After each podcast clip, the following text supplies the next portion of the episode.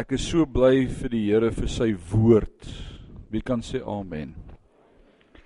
In die heel eerste gemeente waar ek was, en dit was reeds gewees in Rustenburg in 9 in 2000 nee in 1996, Eileen.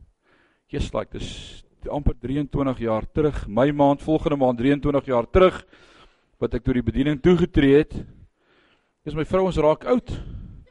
Genade. As ek dit so sê, klink dit nou baie lank, 23 jaar genade. Uh Wel ons is Desember as die Here ons spaar al 22 jaar getroud. Nou verstaan julle my grys hare, dis nie my ouderdom nie. Uh dit is nie my vrou se skuld nie. En reeds toe ek daar toe tree tot die bediening in Rustenburg is 'n warm plek. Wie van julle ken Noordwes so bietjie? Dis 'n lekker warm plek. En in daai eerste week in die gemeente toe ek op die verhoog is, toe vat ek vrymoedigheid om my baadjie uit te trek. Nou kyk 22 jaar terug was dit nog tradisioneel geweest. Jy het nog 'n baadjie en 'n das en 'n pak aangetree. Gelukkig nie meer onderbaadjies nie. En op die kerkraadsvergadering toe vat die broers my vas oor ek dit waag om in hierdie gemeente in die allerheiligste my baadjie uit te trek. En ek het dit net die Here het net vir my 'n woord van wysheid gegee. Ek het net daai week die gedeelte gelees van die leviete wat diens doen in die tempel en een van die opdragte wat die Here vir die leviete gee daan Eksodus van vers 25 af is hoofstuk 25 en aan sê dat die leviete glad nie mag sweet in die tempel terwyl hulle diens doen nie. Glad nie. God haat dit. So ek is toe net reg vir hulle moet antwoord. Ek is jonk, ek is 21 en gereed vir die duiwel. En uh, ek gryp my Bybel en ek sê ouens sê net vir my vanaand. Aan wie wil julle hê moet ek meer gehoorsaam wees, God of julle? Dit was 'n oomblik se stilte. En ek het aangedring op 'n antwoord. Dis jy nee, seker die Here. Dis ek nou God haat sweet in die tempel. Ek eer God eerder en ek trek eerder my baadjie uit oor ek bang is iets gebeur met my. Nou ja, dit was die einde van dit. Toe trek almal hulle baadjies uit. En ek sou bly vandag vir vryheid om net Yes, ek sien nie eers baie baadjies nie. Ek het hom bloot aangetrek oor dit koud was vanmôre toe ek al uit die huis uit is. Die winter kruip nader. Die winter kruip nader. Pieter het gemeld dat dit vanmôre doopdiens is en ons is opgewonde daaroor en ek het lank gestoei die week sal ek vanmôre preek oor die doop en die Here het my anders gelei. So jy gaan nie vanmôre baie lering ontvang oor die doop nie. Ek gaan daaroor gesels, maar ek wil praat oor wat die Here op my hart gelê het. En ek wil vanmôre begin deur te sê gebreekte beloftes breek harte.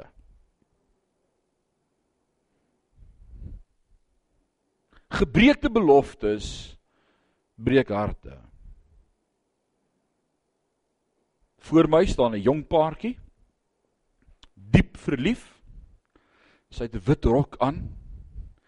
Hulle hang aan mekaar, kleef aan mekaar asof hulle nie sonder mekaar kan lewe nie. Kyk diep in mekaar se oë en glimlag kort kort vriendelik vir mekaar. Agter hulle sit 'n gehoor genooide gaste. Dis hulle bruilof. Hulle hoor nie 'n woord wat ek preek nie. Kyk het nou al geleer op 'n troue jy preek nie vir die paartjie voor nie. Jy preek vir die gaste. So ek preek 'n ou preek vir die ouer mense en ek praat met hulle oor herstel in die huwelik en verhoudings. Hierdie twee voor hoor nie 'n woord nie. Hulle hoor niks.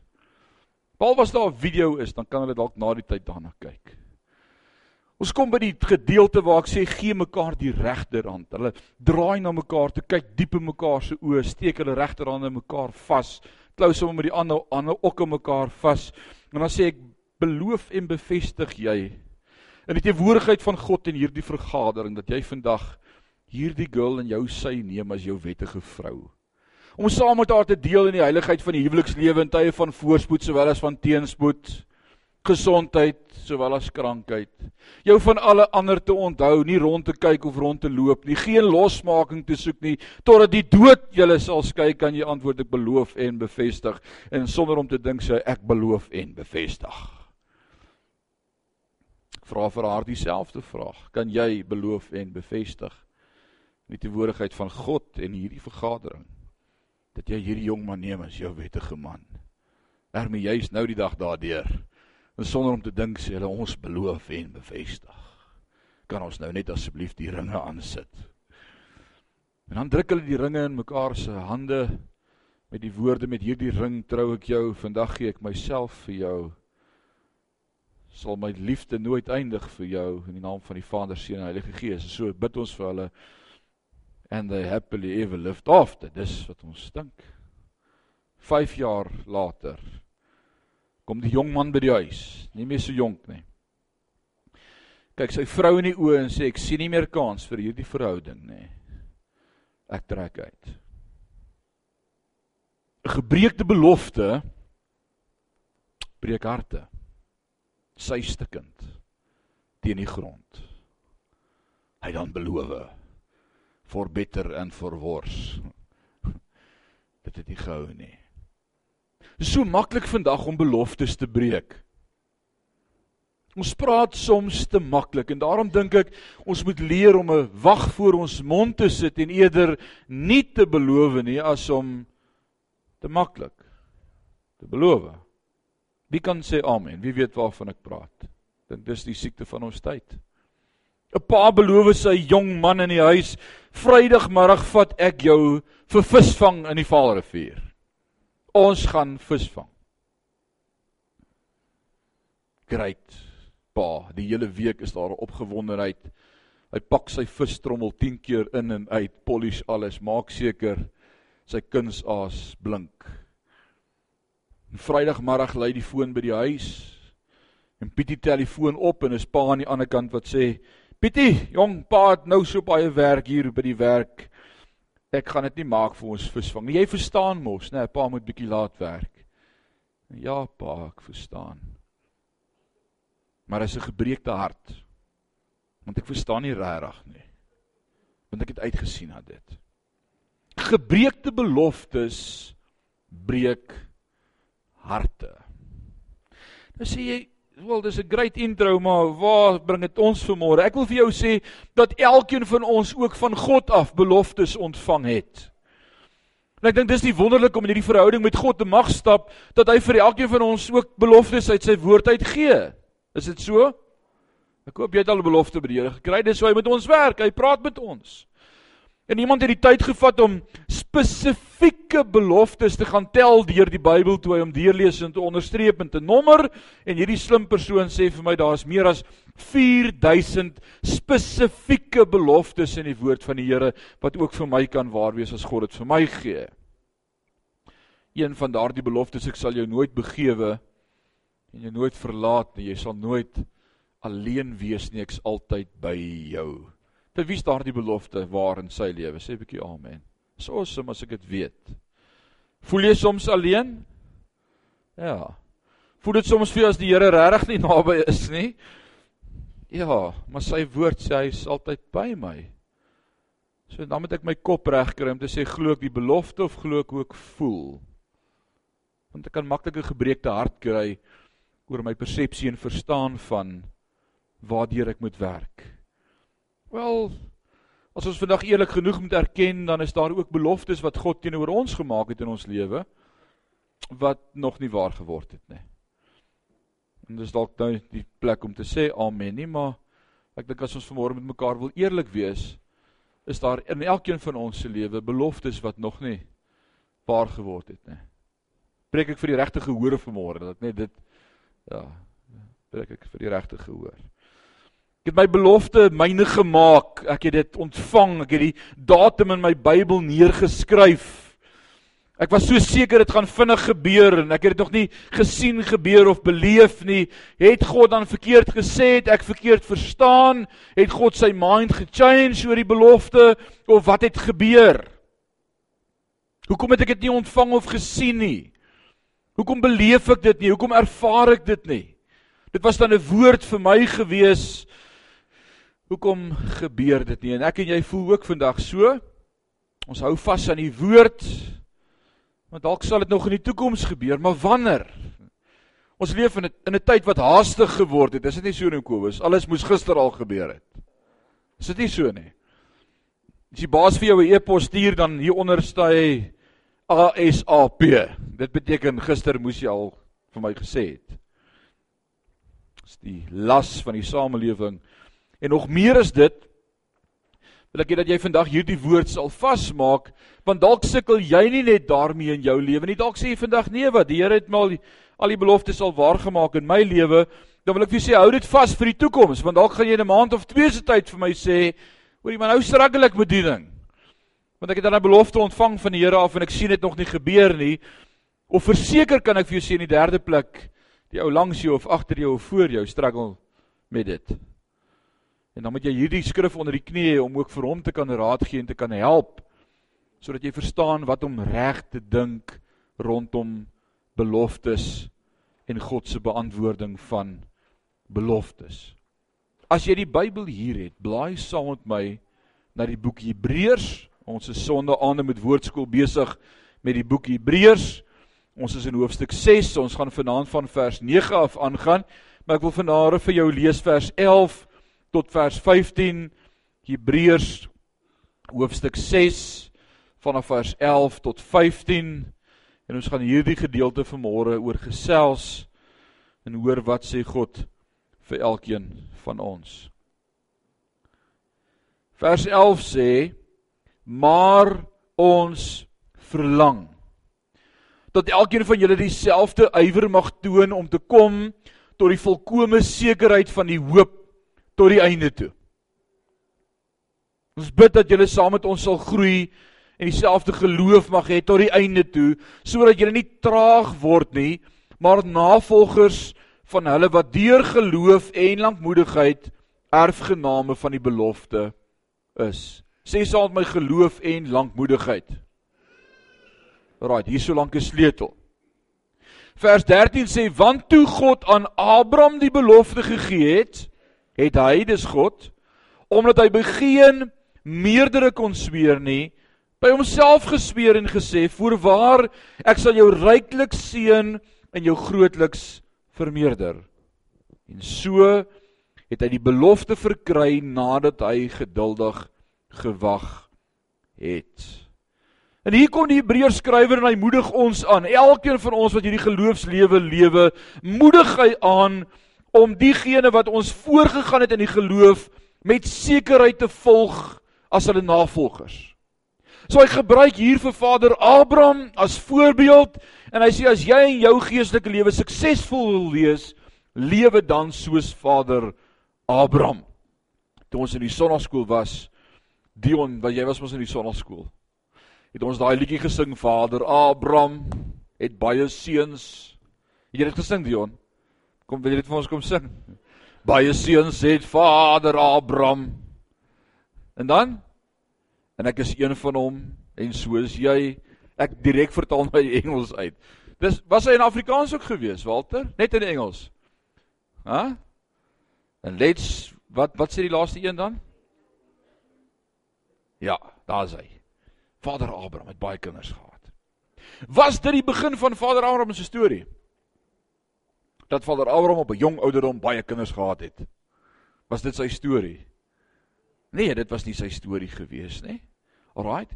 So nou watter belofte van Abraham verwys hy? Abraham is 75 jaar oud toe hy hierdie belofte ontvang het. Wie van julle is onder die ouderdom van 75? Sê ek gou julle hand op. Jy's op die regte spot vir 'n woord. Wat sê jy daar? Prys God op die spot, ons het so gesê. Jy is op die regte plek vir 'n woord. Abraham is al reeds 75 jaar oud. In Genesis 12 kan jy dit gaan lees. En God stuur Abraham en hy sê: "Abraham, ek wil jou belofte gee. Ek wil met jou verbond aangaan. Ek sweer oor myself, ek wil jou so bless dat jou nageslag lyk soos die sand aan die see en soos die sterre in die hemel." Abraham doen vinnig 'n paar wiskundige sommetjies en sê error, error, error. Ek kom nie by 'n antwoord uit nie. En hy sê maar dit klink nice uh, wel enige iets meer as ek en Sara sal 'n bonus wees want dit is net ons twee. Ek wonder hoe lank was Abraham al getroud gewees op daai stadium? Op die ouderdom van 75 jaar. As ek na oorlewering luister in daardie tyd, dan kon 'n seun al hierdie ouderdom van tussen 13 en 15 jaar vrou gevat het.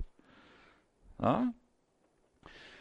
So hulle was darmal 'n paar jaar getroud, so om en by 60 jaar dalk, 60 62 jaar saam. Wie van julle is al so lank getroud? dis net hy en sy vrou. Imagine jou dit, niemand om mee te praat nie, dis net hy en Sara. as hy begin deur te sê ek het ek jou al daai storie vertel van as hy sê pappa, jy het dit al baie vertel. Dis soos net ons in die huis. Alraai, dis nou nie asof daai is net soos wat ek dan nog nie weet van jou nie. Sarah op daai stadium 65 jaar. Net hulle twee, pappa en mamma. En hier kom Jesus self, engel van God, met twee engele en hulle besoek hom in die tent en hy is so bly om mense te sien en dis vir my een van die van die bewyse daarvan dat hulle nie baie kuiergaste gekry het nie want toe hulle nog so op pad is, toe skree hy al vir Sara en sê slag die bees bak brood, hier kom mense, ek nooi hulle vir ete. Dis nie debatteerbaar nie. Dis wat mans doen by the way vrouens. Hulle nooi net mense vir ete sonder om julle te sê daarvan. Alraait. Dit is hoe dit werk. Eileen, ons het mense na kerk hoor. Alraait. Dis hoe dit werk. En Sarah is daar in die kombuis besig om te slag en te sny en fillets uit te werk en en en brood te bak. Dis 'n vrou se werk om te slag, hoor. By the way, dis Ou Testamenties, maar die vrou moet slag. So stuur haar vir 'n kursus. En uh en Abraham sit in kuier. Dis baie belangrike werk. Hy is die hoof van die huis. Hy moet sit, gemaklik wees, kuier, hulle hou vergaderings, afsprake, vrou plek is in die kombuis. En, en so sê die engel vir hom, ek gaan jou bless gaan vir jou kind gee. Hy sê amazing. Hulle hoor hoe lag Sara hier agter in die kombuis. Tipies vrou het met haar oë so teen die sy het so gestaan en sy niks mis nie. Alraai, dit was daai tyd al so. Hoe mis niks. Toe sy inkom met die brood en die vleis en die koeldrank en die goed, toe sê die engel vir hom, "Hoekom het jy gelag toe ek gesê het Abraham en jy gaan gebless word met 'n seun?" Toe sê sy, "O nee, ek het nie gelag nie, ek het sommer net gesmile." was sommer net 'n jy het nog nie gesien hoe oud is ek nie, ek is 65. Ek weet ek dra my jare goed, maar uh ek dink nie daar's 'n manier op 65 dat ek kan swanger word nie. Wel, om dit bietjie erger te maak, is God se tyd toe nie toe gewees nie. God sê dis nog nie tyd vir die belofte nie, want dalk is daar nog 'n moontlikheid dat jy dit in jouself kan regkry. Dit moet as as God iets beloof, is dit altyd 'n wonderwerk. Dis altyd wanneer jy op die punt kom dat jy kan sê daar's nou nie meer 'n manier dat ek dit self kan doen nie. Wie weet, dis die waarheid. As God vir jou sê gee uitkoms, dan gee hy nie uitkoms terwyl jy nog 'n goeie kredietrekord het en self kan aansoek doen vir 'n lening nie. Dis nie die uitkoms wat God altyd in gedagte het vir jou nie. Die uitkoms is dat jy God sal vertrou. Wanneer ek sê daar's nou nie meer maniere dat ek hiermee kan uitkom nie, dan sê God, "Wel, nou vertrou jy my seker dat die regte tyd sal aanbreek en op die regte tyd help God ons." En ons weet, dit was die Here gewees. Dit was jy ek. Wel, net so is dit in hierdie storie. Hulle trek ons Vader van geloof, hy vat die Here aan op 75 pak hy se kamele. Wie van julle is op 75 lus vertrek? Hy is dalk lus en raak getrek, maar dis nog hulle werk om te trek op 75. Ek bedoel ek ek vat net mense wat moet kleiner maak en ouer te huis toe gaan. Dis vir hulle nagmerrie. Hulle pak amper net hulle tasse met klere en sê die kinders moet maar hierdie goed uitsort. Ek wil daarvan niks weet nie. Dis dis nog hulle mission om huis skoon te maak en alles. Ag, wel Abraham sê kom my skattebol, ons moet trek. So hulle pak hulle kamele en hulle vat die pad en begin trek. Waarheen trek hulle? na die nuwe land wat hulle nog nie geken het nie. Die beloofde land. Losman Jacques is reg. En hulle vat die pad en hulle trek met die kamele en toe hulle daar kom, slat hulle tent op en begin van voor af op 'n nuwe plek, vreemde plek. En uh dis nie altyd so lekker om by 'n nuwe plek te begin nie, maar hulle vertrou die Here. En so vra hulle vir mekaar, hoorie nou wanneer wanneer begin hierdie belofte ding? Wanneer wanneer gaan Abraham het nou mooi prempie gaan bou daar 'n kot mooi boontjie gekies wat reguit is, 'n paar planke gesaag, 'n kot aan mekaar geslaan, dalk gegoogel hoe werk 'n kot. Hulle is nog nie 'n kot gehad nie, so hy het bietjie gaan rondkyk by ander mense met kinders in die huis, hoe lyk 'n kot? Uh, kan nie so lank terug onthou van toe hy klein was nie. Hy het die planne gekry en aan mekaar gesit. Sarah het vir hom die skroewedraaier en die hamer vasgehou en die kot staan daar. Maar die kot is nou al vol stof. Van daar gebeur niks. En hulle word ouer. En hulle let op mekaar se liggame. En hulle wil nou nie baie praat of baie sê nie, maar ons word ook nou nie jonger nie. Dis 'n krisis. En so gaan hierdie twee geloofshelde en dit is vir my so wonderlik as die Nuwe Testament praat van Abraham van 'n geloofsheld dan dan sê hy dis iemand na wie jy 'n navolger kan wees. Check wat maak hy en doen dieselfde. Loop in sy voetspore. 'n Geloofsheld, 'n reus in die geloof. En dit is my so mooi as die Nuwe Testament praat van geloofshelde. Want weet jy wat van al hierdie helde wat die Nuwe Testament praat? Praat die Nuwe Testament nie een keer van hierdie helde se slegte kante nie. Of van hulle sonde wat hulle gedoen het uit ongeloof uit nie. Van die Nuwe Testament, die beter verbond is 'n verbond waar my jou sondes nie uitgebrei word en uitvertel word nie Dis getoe onder die bloed. En al wat die Nuwe Testament vir my en vir jou kom leer van Abraham is dis 'n geloofsheld, dis 'n reus. Maar as jy sê die storie gaan kyk en jy sou teruggaan na die storie toe, dan sien jy dat daar 'n ander deel van die storie was. Ons staan hier onder. Daar was 'n ander deel van die storie gewees. Net nadat hulle nou so getrek het op 'n stadium is daar 'n hongersnood in hulle land. En daar's nie kos nie. In plaas vertrou hulle net op die Here met wie hulle 'n verbond aangegaan het. Hy het mos gesê hy gaan hulle bless. Soos God gesê het ek bless jou dan weet die Here mos van die hongersnood. Is dit nie so nie? Dis nie nuus vir hom nie. Maar hulle dog toe hulle met die Here nou help met die hongersnood. So Here ons wil nou nie vir u te veel probleme maak nie.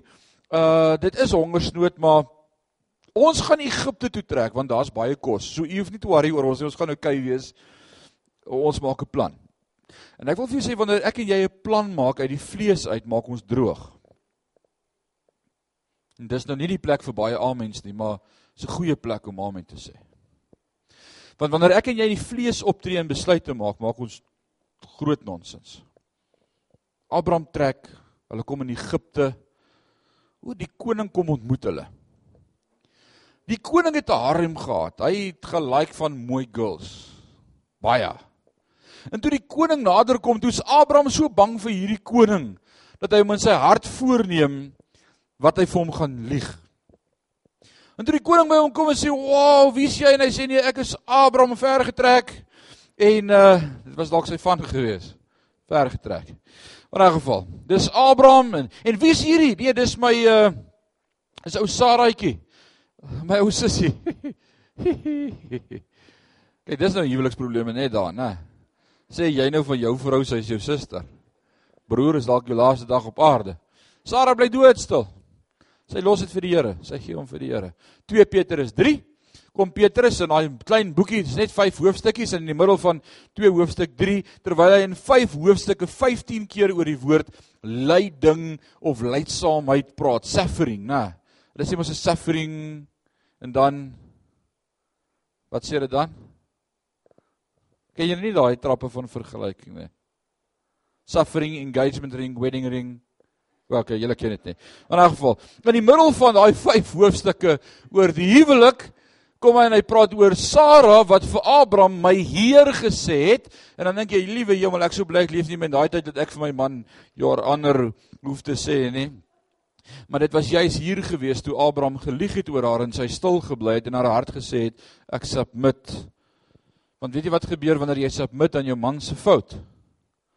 Sy fout bly sy verantwoordelikheid en God cover vir jou. Want kyk wat gebeur. Abraham lieg oor sy vrou. Die koning sê wel ek soek haar dadelik vir my. Hy sê jy kan haar kry. Dit gaan jou 'n paar kamele en goud en slavinne kos. Die koning bless hom. Hy gee vir hom kamele en hy gee vir hom goud en hy gee vir hom slavinne en hy bless hom. Daai aanslaap Abraham heerlik as 'n ryk man oornag. Hy lê nie wakker nie. Sara lê wakker. Sy bid, sy sê Here, U moet vir my help. My man het nie 'n ruggraat gehad nie. En daai nag openbaar God aan 'n droom in die aan die koning en hy sê hierdie is 'n getroude vrou. En as jy aan haar raak, raak jy aan my, dan jy moeilikheid. Hy skrik hom so nigter. Hy vat haar, hy vat haar na Abraham toe en sê: "Vat net hierdie vrou, vat alles wat ek vir jou gegee het en trek net asseblief hier weg. Ek soek nie moeilikheid nie." Wow, dis 'n awesome einde. Abraham maak 'n fout, hy lieg en God bless hulle. Dis great. Maar hy weggekom met sy leuen? Hoe weet ek dit? Want 15 jaar later, toe Sara al 80 is en Abraham al 90 jaar oud is, Toe kom Sara eendag by Abraham en sê Abraham, ek weet nie van jou nie, maar onthou jy daai belofte? Ek dink is tyd dat ons nou maar 'n plan maak. sien jy hoe lyk hierdie slavin van my Hagar? Sy is nie te sleg vir die oog nie. Vat vir Hagartjie. En dan gaan kyk jy of jy nie iets reg kry nie. Maar ek sien nie meer kans nie. 80 is nie vir sissies nie. Ek is uit. Ek is klaar. Maar ek glo nog maar ek is koots. En daar gebeur toe iets. Abraham word toe regtig gebles met krag en hulle verwek 'n kind en hulle noem daardie seun Ismael. Maar dit was nie God se belofte gewees nie. Dit was in hulle eie krag. En Ismael word die vader van die islamitiese stamme met wie ons tot vandag toe sukkel en swaarde kruis. Alraight. Dis wat gebeur wanneer jy jou eie planne maak en nie wag vir God se plan op God se tyd nie. Jy maak vir jouself moeilikheid. En so dink hulle toe, dis die plan van die Here en die Here kom by hom toe die seun jonk was, die seun was so 4, 5 jaar oud en God praat met Abraham op 'n dag en hy sê Abraham, hierdie was nie my plan gewees vir jou lewe nie. Jy moet hierdie vrou met hierdie kind maar wegstuur. En hoe voel dit vir 'n man as hy sy eie kind moet wegstuur en besef hierdie was nie van die Here nie. Terrible. Sy eie plan wat hy gemaak het met die slavin wat hy gekry het toe hulle in Egipte gaan draai het, toe hulle hulle eie plan gemaak het toe daar hongersnood was en toe hy gelieg het oor sy vrou en hier kom die gevolg 15 jaar later en hy betaal vir sy verkeerde besluit. Al nou sit hy en Sara weer alleen. Nou sy nog sonder 'n slavin nog op haar ou dag. Nou moet sy self die tent skoonmaak. Imagine dit. Hoor die hele storie. Dink wat gebeur. Nou is hulle eers kwaad vir mekaar. Nou moet sy nog op 'n ou dag sonder 'n slavin wees. Abraham is sonder 'n kind. Hulle is knorrig vir mekaar. Dis 'n moeilike storie, broer.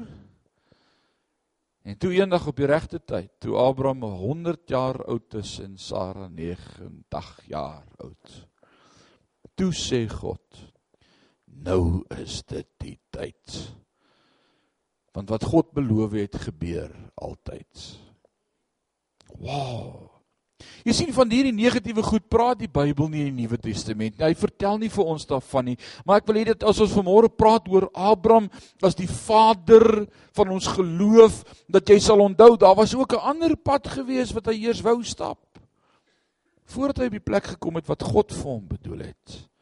Wat wil ek vanmôre sê? Wat s'ie les sover vandag vir ons? Moenie God probeer help nie.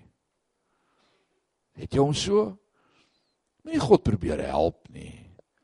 Hy het nie jou hulp nodig nie. Wag geduldig. Dan sê hy maar wag 'n bietjie, ek weet van wag vir die regte tyd, maar maar wat se tipe pa gee vir sy kind 'n belofte en wag 25 jaar voordat hy vir hom gee? Hoe kan God dit doen? As God 'n God is van liefde en en God maak bemoeienis met my en met jou, hoe kan hy vir ons sê ons moet wag vir 25 jaar vir 'n belofte? Regtig is dit fair? As ek vir my kind sê, seun, pa gaan vir jou A B C doen. Jy moet net so 'n bietjie wag.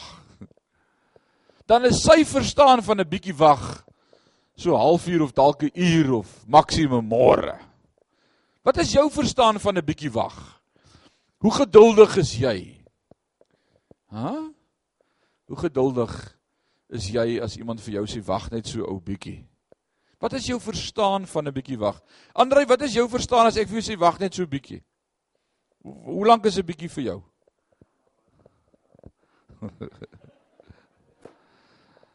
Ek en my vrou is Desember nou 22 jaar getroud en ons ken mekaar hierdie jaar September 30 31 jaar. Dis 'n 30 jaar Christina, 30 jaar, 30 jaar. Dis 'n leeftyd. En in hierdie 30 jaar is die een ding waarmee sy sekerlik die meeste gesukkel het van my, is my konsep van 5 minute. Kom lag julle. Want as hy vir my sou vra, "Waar's jy en wanneer kom jy huis toe?" Dan sê ek vir haar, "Gee my net so 5 minute dan se daar." En dit mag enige iets tussen 'n uur of 3 wees.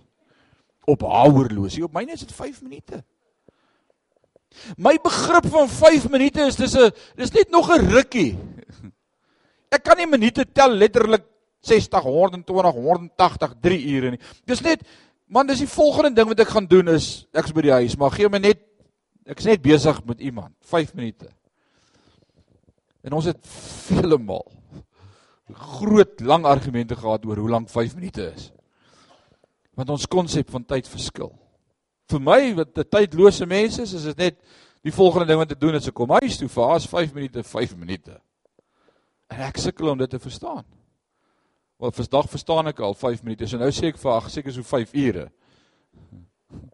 Dit het 'n ander reaksie as 5 minute, maar ek is ten minste nou eerlik daaroor. 5 minute.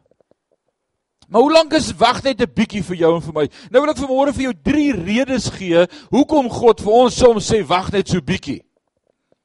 En ek hoop as jy notas maak dan is hierdie die drie belangrike goed wat jy onthou. Anders maak jy 'n knoop in jou oor. Hierdie is die drie goed wat ek dink belangrik is om te onthou oor God se tyd. In die eerste plek wil ek sê God se tyd leer my uithou vermoë. Dit bou karakter. Leer my om hom te vertrou. Hou my uithou vermoë. Jeremia het bietjie moeg en oorlaai gevoel teenoor sy bediening en die bediening van God en die werk van die Here en hy het begin wonder Nou wanneer gaan die Here nou begin werk? Die Here het hom 'n woord gegee. En wanneer gaan dinge nou begin gebeur? En, en God sê vir Jeremia en ons lees dit daar in Jeremia 12 vers 5. Hy sê as jy my voetgangers loop. As jy met voetgangers loop, maak hulle jou al moeg. Hy sê vir hom jy kan nie eers stap saam met voetgangers nie as jy moeg. Hoe sal jy nog wetywer met die perde? Elia? Net van loop word jy moeg. Hoe gaan jy kan hardloop? Jy's te haastig en in 'n land van vrede voel jy jou veilig. Hoe hoe gaan jy dan voel wanneer daar pronkbose van die Jordaan opslaan? Hy, hy sê jy jy voel nou veilig in in hierdie omstandighede. Wat gaan jy doen as as die moeilikheid kom? En as jy nou moeg word net van loop, wat gaan jy doen as jy moet begin hardloop saam met die perde, Elia? Jy's te haastig, is nog nie tyd nie, jy's nog nie gereed daarvoor nie. Nou ons onthou toe Elia daar op die berg Karmel was, né? Kan julle dit onthou? Wie van julle kan dit onthou? Daar by die Baal profete. Toe hy die fore om sy altaar laat grawe het en nog water ook ingegooi het en reën water op die altaar en toe bid hy vir vuur uit die hemel en toe kom daar vuur uit die hemel en dit verteer sy altaar, sy sy offer en toe wat doen Elia? Elia trek die swaard En hoeveel Baal profete maak hy daai dag dood met die swaard? Kan julle onthou? Hoeveel? 450 Baal profete dood hy met die swaard. Maar toe Elia hierdie gebed bid en sê Here maak asseblief nou 'n bietjie goud, toe sê die Here vir hom jy's nog nie reg vir die wonderwerk nie, sien jy moet nog 'n bietjie gym jy's te stadig en jy raak te gou moeg en jy raak te gou bang. Ek wil graag hierdie belofte waarmaak in jou lewe, maar dis nog nie die tyd nie. As ek dit nou doen, gaan jy die tyd mis. Verstaan jy dit? En soms is God nog besig om my en jou eers bietjie voor te berei en te sê nee, jy as ek dit nou vir jou gee, gaan jy jy gaan nie reg wees daarvoor nie. Dit is so goed ek beloof vir my laaitie wat 14 jaar oud is, 'n motorfiets. Maar hy het nog nie 'n lisensie nie. Dit sou die verkeerde ding wees om nou vir hom te gee. Wie sê amen? Al die maas. Amen. Alraai. As ek vir hom gee as hy 'n lisensie het en as hy die die die vermoë het om dit te kan beheer en bietjie opleiding ontvang het en 'n ondervinding het en nie homself gaan verongeluk nie. Ons het vriende gehad jare terug hier in Parys en Christian en die maatjie was pelle gewees en ons kuier eendag daar. Hoe oud was hulle toe gewees? My skat. Voel soos 5 minute terug. Hoe hoe oud was die seuns? Graad 2. Graad 1, graad 2 rond. Dis dis nou die dag, né? En hierdie maatjie het 'n four-wheeler by sy pa gekry vir sy verjaarsdag. So toe ons daar stop en die four-wheeler staan daar en per per per per, per toe kyk ons net vir Christian en sê daar's nie 'n manier nie. En ons gaan eet koek. Ek het mos nou vir hom gesê daar's nie 'n manier nie. Nie lank nie, toe's daar 'n geskree in trane daar buitekant. Toe daai maatjie sy four-wheeler so oopgemaak en die ding is so sterk vir hom en hy trek hom so agtertoe en hy hou hom geref en hy jaag binne in 'n 6 voet beton heining vas. Kan jy onthou? Die kind was nog nie reg gewees vir dit nie. Dis enige laaitjie se droom, ja. Maar daar's 'n regte tyd en daar's 'n verkeerde tyd. En ek sê nie moenie vir jou kind 'n motorfiets koop nie. Die beeldspraak wat ek gebruik vandag is hierdie gedeelte van Elias. God sê, jy is nog nie reg vir die wonderwerk nie. Nou kom ons dink gou aan daardie dag by Karmel. Hy word nie bang vir 450 Baal profete nie. Hy het gegroei in sy geloof. Hy vertrou op die Here. Hy maak hulle dood met die swaard en hy vat hulle in lyke en gooi dit daaronder in die spruit. Toe stap hy terug en hy gaan bid. Hoeveel maal? 7 maal gaan bid hy en dan vra hy vir sy vir sy diensknegt gaan kyk of jy iets sien en die sewende maal toe sê hy daar's 'n wolkie soos 'n man se hand daar. Toe sê hy julle beter hardloop. Hier kom groot reën. En wat sê die Bybel gebeur toe? Die man hardloop so vinnig dat hy Boas se perdekar weghardloop. Nou weet jy wat laas jy perd gery nie. Dalk was Boas 'n swak perdryer. Dis okay, dis 'n moontlikheid. Maar jy moet bietjie effens hardloop om vir 'n perd weg te hardloop. Pieter, jy moet effens kan snol. Right? Jy moet kan hardloop om dit te kan doen. God sê, nou is dit die tyd vir jou wonderwerk. Hier is ek. Dis die eerste punt wat ek wil maak is God leer ons eers uithou vermoë. 1 Petrus 1 vers 6 en 7 sê mos vir ons daarin verheug julle julle al word julle nou as dit nodig is 'n kort tydjie bedroef onder allerlei beproewinge sodat die beproefdheid van julle geloof wat baie kosbaarder is as goud wat vergaan maar deur vuur gelouter word bevind mag word tot die lof en eer en heerlikheid by die openbaring van Jesus Christus. Ek wil sê die Here is baie meer geïnteresseerd in jou einde as in jou gemak. Right. God bou karakter en hy gee vir jou uithou vermoë. In die tweede plek wil ek sê nie net uithou vermoë nie, maar om die belofte wat ons voorwag te vervolmaak.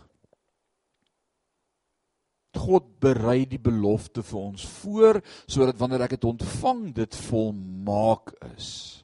Dit vat tyd. As jy by die Here kom en jy bid jong meisie en jy sê Here, ek bid vir 'n man. Hy moet 6 voet 6 wees. Hy moet krulhare hê. Hy moet musikaal wees. Hy hy moet sportief wees. Hy moet fiks wees. Hy moet 'n awesome persoonlikheid hê. Hy moet funny wees en hy moet humoristies wees, maar hy moet ook intelligent wees en hy moet hou van lees en en hy moet hou van die bosveld en dis die hank wie ek soek. Sê die Here, dis goed, ek hoor wat jy sê, maar dit gaan 'n bietjie tyd vat. Jy krap hulle nie agter elke bos uit nie.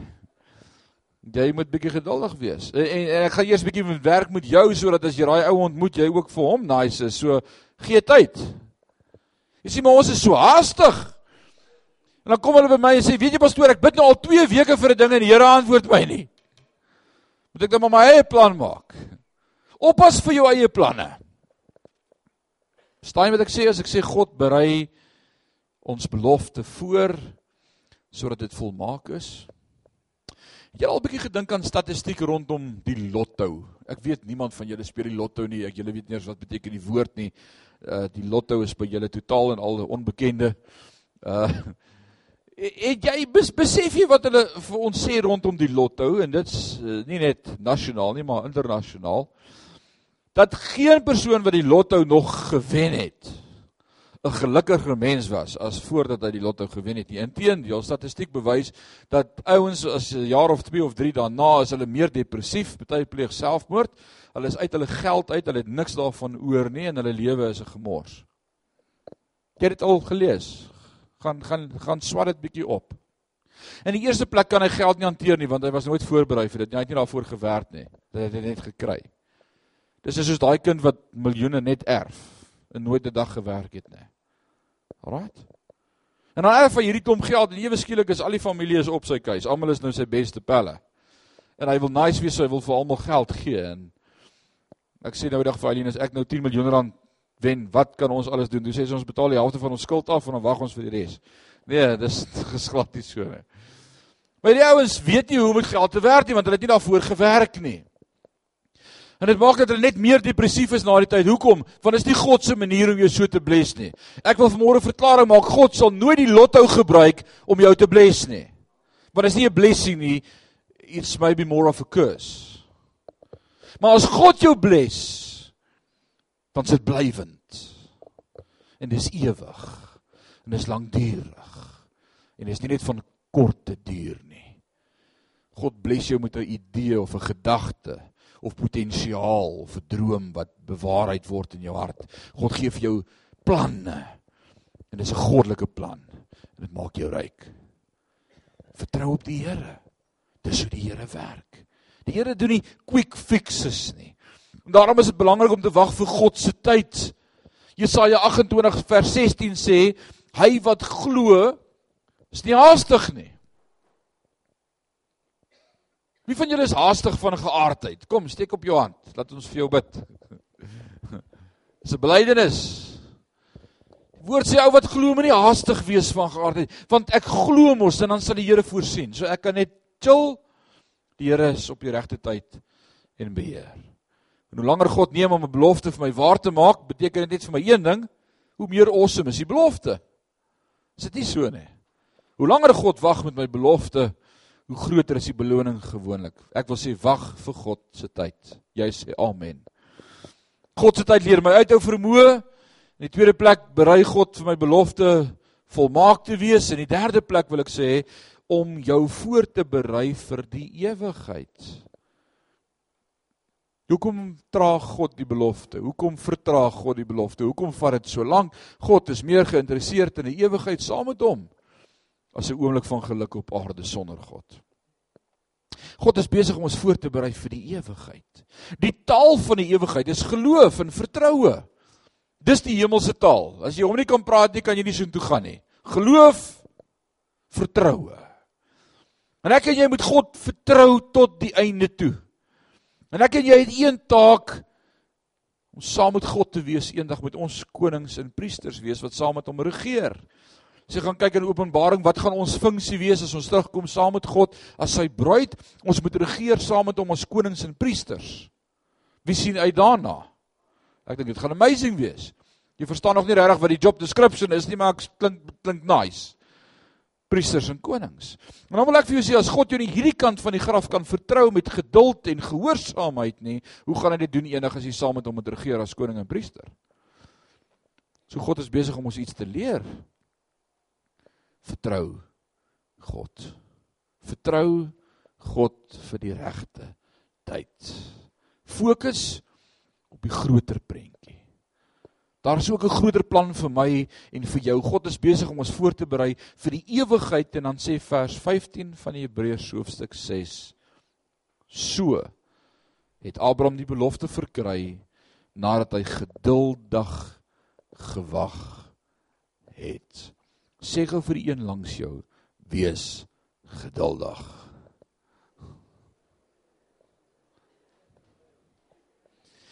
dit sal dalk 'n goeie ding wees as mans en vrouens mekaar in die oë kyk en vir mekaar sê wees geduldig met my Ja, jy het 'n belofte by God gekry, die Here gaan jou man verander, suster, maar dit vat tyd. Wees geduldig. Jy het dalk 'n belofte oor jou vrou gekry by die Here, broer. Moenie haastig raak nie. Wees geduldig. En dis 'n woord vir elkeen van ons in hierdie dag en hierdie tyd. Dis iets wat die kerk weer kan aanleer om op God te wag vir die regte tyd. O, ek is baie ongeduldig. Ek moet dit vanmôre bely. Ek praat met die Here oor ons kerkbouprojek en dan sê ek Here, hierdie kerk moes al gestaan het. Ek wou hom al hierdie jaar gehad het en die kerk moet vol en dis mense wat plek kort en dan sê die Here vir my, "Hey, nie deur krag of deur geweld, maar deur my gees," so spreek die Heer. Dis nie jou vermoë nie. Dis ek wat die werk doen op die regte tyd. As ek nou 'n dominee was, het ek gesê amen.